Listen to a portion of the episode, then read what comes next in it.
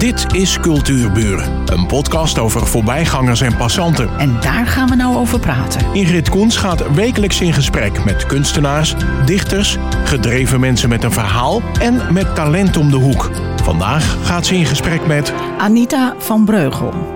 Geboren in Den Haag en van jongs af aan had ze belangstelling voor de cultuurhistorie. En zij voelde de meerwaarde van oude panden en materialen. Ze deed de studie kunstgeschiedenis aan de Rijksuniversiteit Utrecht, specialisatie architectuurgeschiedenis. En aan de TU Delft, een module restauratie monumenten. Met haar adviesbureau Cultuurhistorie richt zij zich op het inventariseren, waarderen en beschermen van cultureel erfgoed in de brede zin van het woord.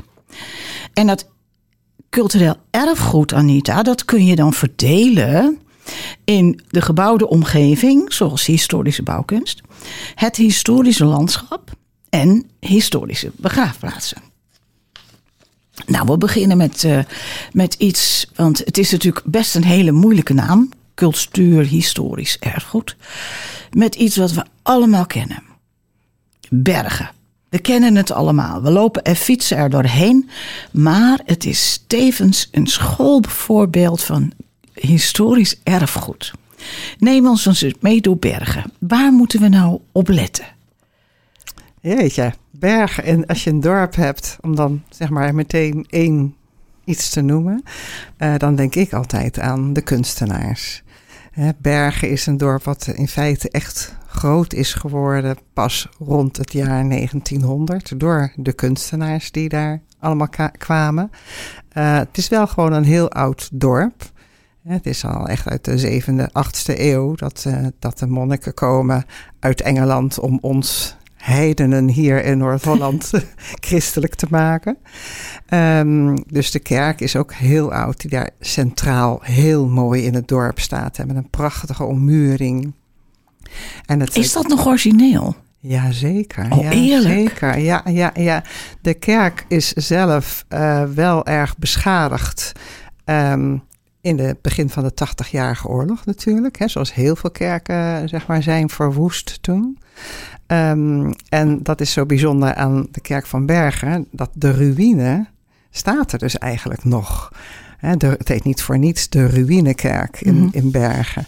En uh, toen dat dus um, gerestaureerd werd in de loop van de jaren. Er gaan soms echt tientallen en soms ook wel eeuwen overheen.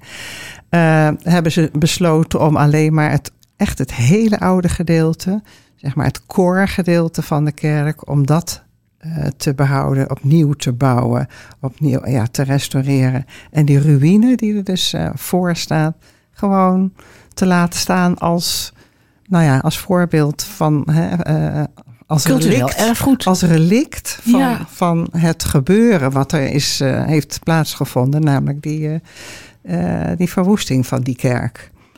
Dus dat is bijzonder. Ja. 80-jarige oorlog, 1650 zo'n beetje. 1568 tot 1648. Oh, nog en dat iets was een eerder. beetje de start, zeg maar. Dan komen de Spanjaarden hier naartoe. En uh, uh, dan, dan wil men eigenlijk, uh, want er is heel erg die reformatie aan de gang. Hè. In het noorden speelt dat veel meer. En vanuit het zuiden kwamen dus de Spanjaarden. En uh, die wilden ons eigenlijk allemaal uh, zeg maar behoeden voor het protestantse geloof. Dus we hebben daar een, een behoorlijke strijd over gevoerd. Om, om, om toch uiteindelijk te winnen. Althans, zo wordt dat uitgelegd. En toen is Nederland dus protestant geworden. Daarvoor was eigenlijk bijna, nou, eigenlijk iedereen kan je wel zeggen in Nederland, uh, was uh, christelijk, katholiek. Ja, dat, ja. dat, is, uh, dat is gewoon is mee begonnen. een, een gegeven, Ja. precies. Dus we zijn pas echt vanaf nou ja, 1573 zo'n beetje meer, meer protestant geworden. En dan in de loop van de 19e eeuw, toen mochten de katholieken weer een eigen hun eigen geloof uh, gaan uitoefenen. En dat zie je dan uh, aan de bouw van nieuwe kerken, die grote katholieke kerken die er dan ontstaan. En die, dan, die ze dan allemaal net even hoger maken dan de hervormde kerken. Als een soort gebaar van, kijk, uh, nu zijn wij superieur. Maar let er maar eens op, de 19e eeuwse kerken, die zijn allemaal hoger dan de oorspronkelijk kleine middeleeuwse kerkjes die allemaal protestant zijn geworden toen eh, in die reformatie. Ja, Ik wil nog even terug naar die, eh, die ruïne. ja. Want eh, hij werd natuurlijk in de, je zegt in de 80-jarige oorlog werd hij ehm, verwoest. Mhm. Maar hoe oud is hij dan werkelijk? Nou, eh, het, het is altijd zo bij die hele oude kerkjes dat er vaak een, eh, een heel, een, zeg maar een houten kerkje als begin is geweest. Hmm. En dat kan je alleen maar ontdekken als je dat natuurlijk gewoon door archeologisch onderzoek in die kerken gaat, gaat, eh, gaat uitoefenen, dat onderzoek. Daar komt het niet altijd van. Ik weet, in Heilo is dat wel gebeurd. Daar hebben ze op een gegeven moment dus echt alle zerken die daarin lagen en alle graven die in de kerk lagen, hebben ze dus eh, verwijderd en, eh, en zijn later rechtgelegd. Maar toen konden ze dus op dat moment echt even in die kerk kijken, zeg maar in de bodem van die plek. Ehm, en eh, toen zagen ze wel dat daar dus de basis een houten kerkje van oorsprong heeft gestaan. En dat is eigenlijk een beetje de manier waarop we denken dat dat in heel veel gevallen zo is. Hè, dat, ze, dat het toch begon met houten kerkjes. We kregen pas bakstenen, zeg maar rond het jaar 1000. Dus toen, toen is men overgegaan Ja, dat is natuurlijk ook een teken aan de wand. Ja. teken aan de wand, precies. Ja, ja, ja, ja. En eh, de eeuwenoude Egmonden, het gebied van de Egmond. Ik heb me altijd verbaasd over Egmond binnen, buiten, aan de hoef en aan zee. ja, ja, En wat maakt dat gebied nou inter- interessant voor een cultuurhistoricus? Nou ja, dit, dit is heel cruciaal. Want eh, eh, de abdij van Egmond, die zich nu in Egmond binnen bevindt. Dat is, Wat is het oudste gedeelte eigenlijk? Binnen? eh, nou, het is, het is het verhaal. De abdij van Egmond, dat is de, de instantie die hier in Noord-Holland eigenlijk ehm, de wijsheid en de kennis had om het landschap te gaan ontwikkelen, te ontginnen. Dus zij hebben, ze hadden heel veel landerijen in bezit en echt tot, tot in de, nou ja, zeg maar halverwege eh, Noord-Holland. Dan heb je bijvoorbeeld nog Abbeker, Abbekerke, heet het geloof ik. Daar bij Callandse Ogen. Zijn allemaal verwijzingen naar die abdij. Die, die, die waren heel erg belangrijk in, eh, in deze regio. En zaten daar edelen? Nee, monniken. Monniken. Monniken? Abdij. Alles, alles was christelijk aanvankelijk. Oh, hè. We hebben een heel christelijk ontstaan eh, gehad door de monniken uit Engeland. eh Willy Broers, Adelbertus, misschien heb je ervan gehoord. Ja, ja, ja. Die kwamen de heidenen, want dat waar, vond men dat wij allemaal heidenen waren. eh, dat, die moesten eh, ja, bekeerd worden. En dat is dus op een gegeven moment toch wel in een proces van enkele honderden jaren gelukt, laten we het zo maar zeggen. Maar ehm, nou, in ieder geval, dat is in, de abdij is daardoor in Egmond binnen ontstaan. En dan hebben we het over, ehm, nou ja, zeg maar de negende eeuw, eh, tiende, eeuw, tiende eeuw zo'n beetje. En, ehm, en de abdij, die, die, had, ehm, die had mensen nodig om, om ook, zeg maar, zich te voeden. En ehm, dus er, er was een groepje vissers en die wilden heel graag een eigen nederzetting neerzetten op de plek van Egmond, wat nu Egmond aan zee is. En dat vonden de monniken dus goed. Dat mochten ze daar, eh, ze mochten zich daar vestigen onder voorwaarde dat ze een tiende van de visvangst aan de abdij zouden geven. Dus zo Heel slim. is die eh, relatie. En dat is in 975 oh, dat is dat je dorpje ontstaan. Dat zou je niet zeggen als je nu in Egmond aan Zee loopt. Nee. Dat zou je niet zeggen, maar het is echt een heel oud dorpje. En, en je ziet heel kleinschalig. Dat, zie je nog helemaal terug in dat dorpje. Hè? De huizen heel dicht op elkaar en kleine perceeltjes. Dus je ziet dat dat eh, ja, een hele oude basisstructuur heeft. Die echt teruggaat tot die beginjaren. Wat ontzettend leuk. Je Ja. moet altijd denken van, toen was Amerika nog niet eens ontdekt. Nee, nou ja, als je- Hadden wij al, hadden wij al zulke culturen. Ja, precies. Geweldig. Ja, precies. Maar dat Ja. zagen we toen niet als cultuur hoor. Nee. Want dat was pure armoede natuurlijk. Ja. En dat zie je nog steeds eigenlijk aan de kleinschaligheid van het dorp. Dat het, ja, het, het, het is altijd, het zijn altijd vissers geweest. En uh, ja, ja, dat was niet een heel rijk dorp natuurlijk. Hè. En, en om die reden moesten ze ook in die duinen nog wat, wat, wat groenten en zo gaan telen. Om zichzelf uiteindelijk toch... Uh, konijnen vangen en, en, zo. Precies, ja, ja, ja, ja. Maar waar komt dan die naam uh, aan de hoeven vandaan? Ja, wat, wat nou, dat is ook zoiets ja, bizar. Dat is, dat is heel leuk, want dat is eigenlijk het vervolg op, uh, op dit verhaal. Egmond aan Zee, dus het oudste dorp. En dan de abdij, die, um, die, die gaat dan. Um, er was altijd strijd hier in Noord-Holland met de Friesen en zo. En de abdij die heeft toen ter bescherming van de gronden... hebben ze een, een, een hoeve gebouwd, zeg maar op de plek waar dus nu het kasteel uh, zichtbaar is gemaakt. in Egmond aan de Hoef. Daar is een hoeve gebouwd. Um, en dat is een soort uh, uitkijkpost voor um, de vijand die er uh, eventueel aan zou komen. Nou ja, die hoeve, dat is op een gegeven moment dus uitgegroeid uh, tot een, een motte. Dat is dan een, een, een, een ronde vorm van een verdedigingstoren. En in de loop van de eeuwen is dat steeds groter geworden tot een kasteel. Dat was er niet zomaar hoor, maar dat is echt in, in een paar eeuwen ontstaan. En um, dus, dus dat is een belangrijke geweest voor de verdediging van Egmond binnen en Egmond aan zee natuurlijk. En uh, die Egmonden die zijn dus gewoon altijd alle drie heel, uh, heel separaat van elkaar uh, daar geweest, maar hadden elkaar dus wel allemaal nodig. Ja. Ja, ja, ja, ja. Dat is even in het kort het verhaal. Hè. Het is natuurlijk, er zit heel veel nu, meer nuance en zo in, maar in grote lijnen nou, ik hoop echt dat de mensen die nu in de, in de nabije toekomst naar Egmonden gaan, dat ze eventjes deze dingen met, je met zich meenemen. En zich realiseren hoe oud het hier is. Ja, ja, ja. ja. Ik vind dat zo fascinerend. Hè? Het is heel leuk om, uh, als mensen naar Egmond zouden gaan, om even Egmond aan de Hoef. Uh, tegenover de slotruïne, zo noemen we het. Uh, bij de historische vereniging daar naar binnen te gaan, Stichting Historisch Egmond. Die hebben een prachtig museumpje. Het is steeds mooier geworden de laatste jaren, waarin dat hele verhaal uh, verteld wordt. Oh, wat dat leuk. is uh, ja. echt heel interessant. Ja, ja. Komen we bij een uh, andere tak van, van sport van jou. Uh, en ik wist eigenlijk niet wat ik, wat ik daarmee moest denken. Wat wordt er nou bedoeld met een historisch landschap? Hebben we dat nog in Nederland? En kun je wat voorbeelden geven? Ja, natuurlijk. Um, ja, nee, we hebben historisch landschap. Overal is historisch landschap. Ik dacht dat alles gecultiveerd was in Nederland. Ja, oh, je bedoelt echt helemaal puur landschap. Wat, wat gewoon echt. Nou, wat erfgoed is. Ja, erfgoed, cultuurhistorie zegt het eigenlijk al. Hè? Het is in cultuur gebracht, ja. landschap. Maar als je het hebt bijvoorbeeld over de strandwallen hier in Noord-Holland. We hebben hier drie strandwallen lopen. Die lopen parallel aan de kust. Dat zijn dus wallen die zijn opgeworpen door de zee. En uh, de oudste strandwal, daar ligt op um, Sint Pancras, Alkmaar. Nee, ik begin even verkeerd. Ik moet eventjes, ik zeg het niet goed.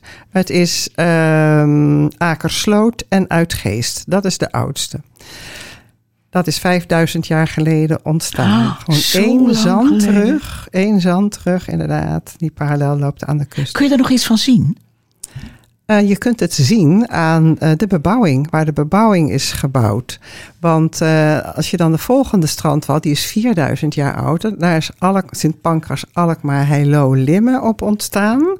En als je op de, gewoon op de kaart kijkt, dan zie je dat die dorpjes allemaal onder elkaar zijn ontstaan. En uh, men ging natuurlijk op de droge gronden wonen. Men, ja. men woonde graag. Uh, want daartussen trok die zee zich terug. Dan had je vaak wat laagtes die dus heel nat werden. En uh, wat ik altijd, je kunt het nog heel goed zien. Als je vanuit, als je op de A9 rijdt. Hmm. En je, je hebt net Akersloot gepasseerd. Hè, met, dat, met, met het restaurant aan de ja. rechterkant. En dan Ja kom je zo ineens in een heel wijd landschap. Ja, klopt. En dat is dus, dat zijn de lage gronden, de moerasgronden tussen die twee strandvlakten, waarop strandwallen, moet ik zeggen, tussen waar Akersloot en Uitgeest op liggen.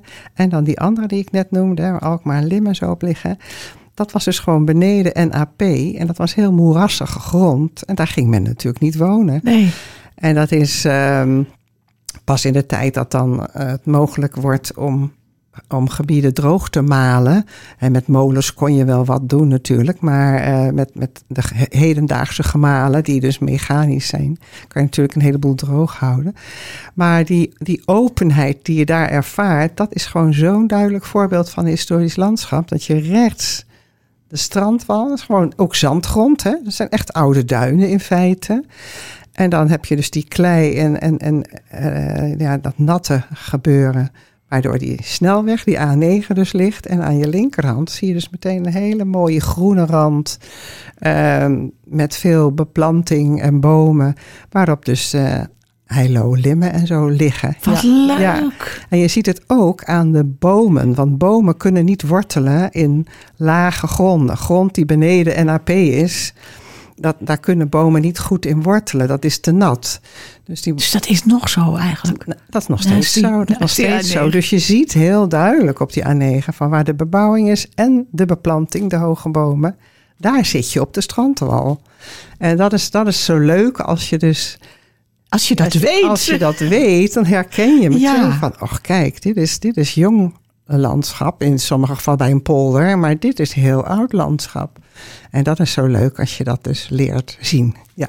Ik rij nooit meer hetzelfde op de A9. Nee hè, Nee. heel anders. Oh, wat vind ik dit leuk. Dit, Zo'n cadeautje had ik niet verwacht. Oh, ja, wat leuk. Ja, Ehm, ja. Je schreef ergens, ik ben breed geïnteresseerd in erfgoed. Mhm. En ontdekte dat er voor het zogenoemde funeraire erfgoed aanvankelijk weinig belangstelling was. Hoe verklaar je dat? En Ja. funerair, laten we het even uitleggen, dat wou zijn de zeggen, dat kerkhoven, Ja, eh, ja. begraafplaatsen. Ja, ja, ja, dat is een begrip wat nog niet zoveel wordt. Het, het, als je denkt aan funeral in het Engels, Mhm. dan, dan eh, is het misschien meer duidelijk. Funerair is het woord wat daarvoor is ontstaan. En het heeft te maken met, eh, met met name begraafplaatsen, maar ook eh, rituelen eh, rond de dood en dergelijke. En daar was ik al als eh, vrij jong, eh, zeg maar, afgestudeerd iemand eh, toch in geïnteresseerd, omdat ik eh, merkte dat, eh, dat het zo weinig aandacht had nog in de cultuurhistorische wereld. Hè? Die, die gebouwen en die archeologie en dat landschap, dat, dat, dat, daar is wel belangstelling voor. Maar het funeraire gebeuren, dat is toch echt een beetje achtergesteld. En toen ben ik dus, eh, heb ik me aangesloten bij de Terebind. Dat is een eh, landelijke instantie die zich heel erg inzet voor het eh, behoud van begraafplaatsen. Dus dat is al 30 jaar geleden dat ik daarbij betrokken ben. En toen ben ik ook adviseur geworden in Noord-Holland. Het is een landelijke, landelijke stichting. En ehm, nou ja, dan ga je dus met elkaar begraafplaatsen bezoeken. En dan ontdek je zoveel moois en interessants. Dat je denkt, jeetje, ja, dit wil je eigenlijk delen met mensen. hè? Vertel, vertel. Wat was, was er nou mooi en interessant aan een begraafplaats? Ja.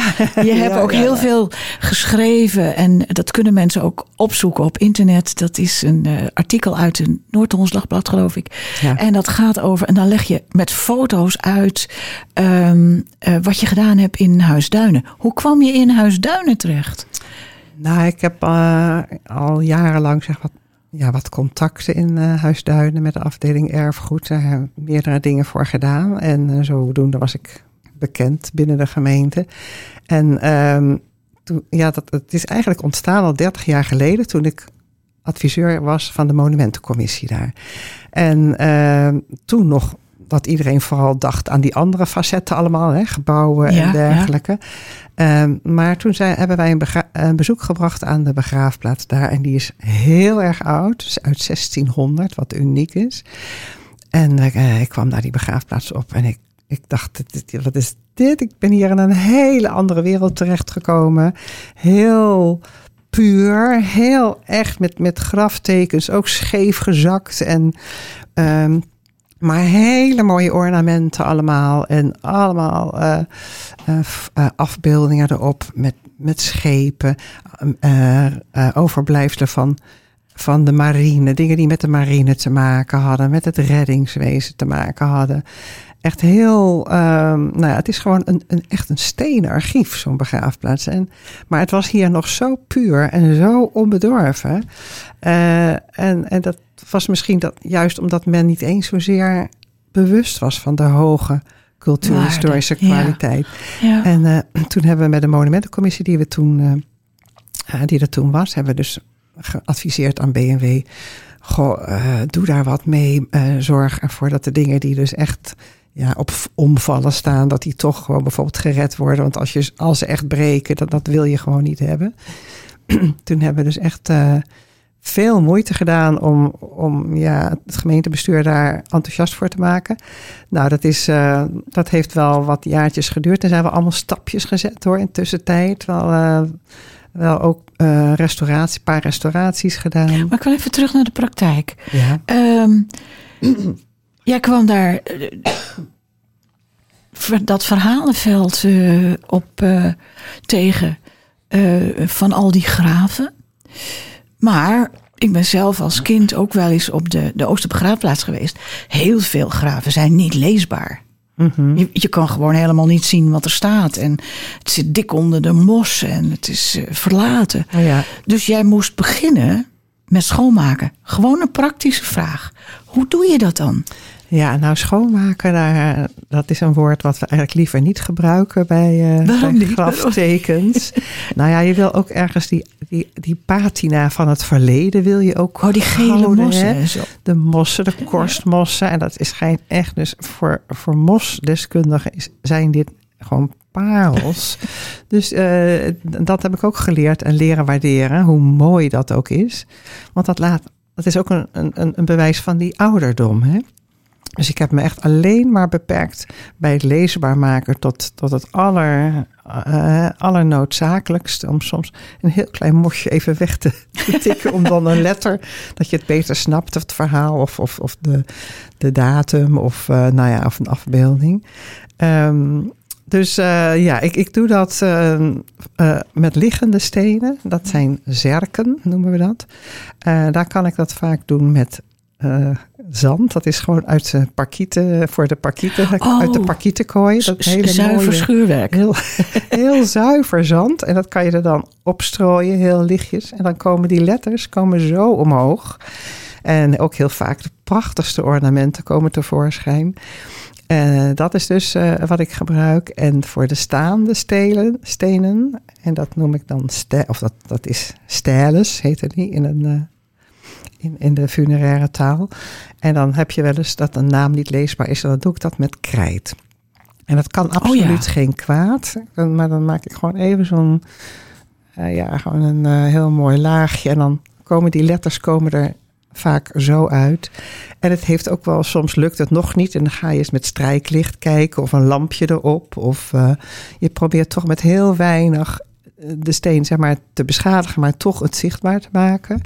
Nou, en zeg maar, als je daar eh, gewoon af en toe wat tijd in steekt, dan komt het al, lost het zich altijd weer op. Dus eh, ja, ik heb zo heel wat begraafplaatsen geïnventariseerd en, eh, en bekeken. Ook weer iets om, om mee te nemen. Hè? Soms even, je kan er ook zo lekker relaxen. Gewoon helemaal aan niks denken. Nou, Maar is- we gaan naar de laatste vraag. Naar welke periode in de architectuurgeschiedenis gaat jouw persoonlijke voorkeur nou uit? En waarom?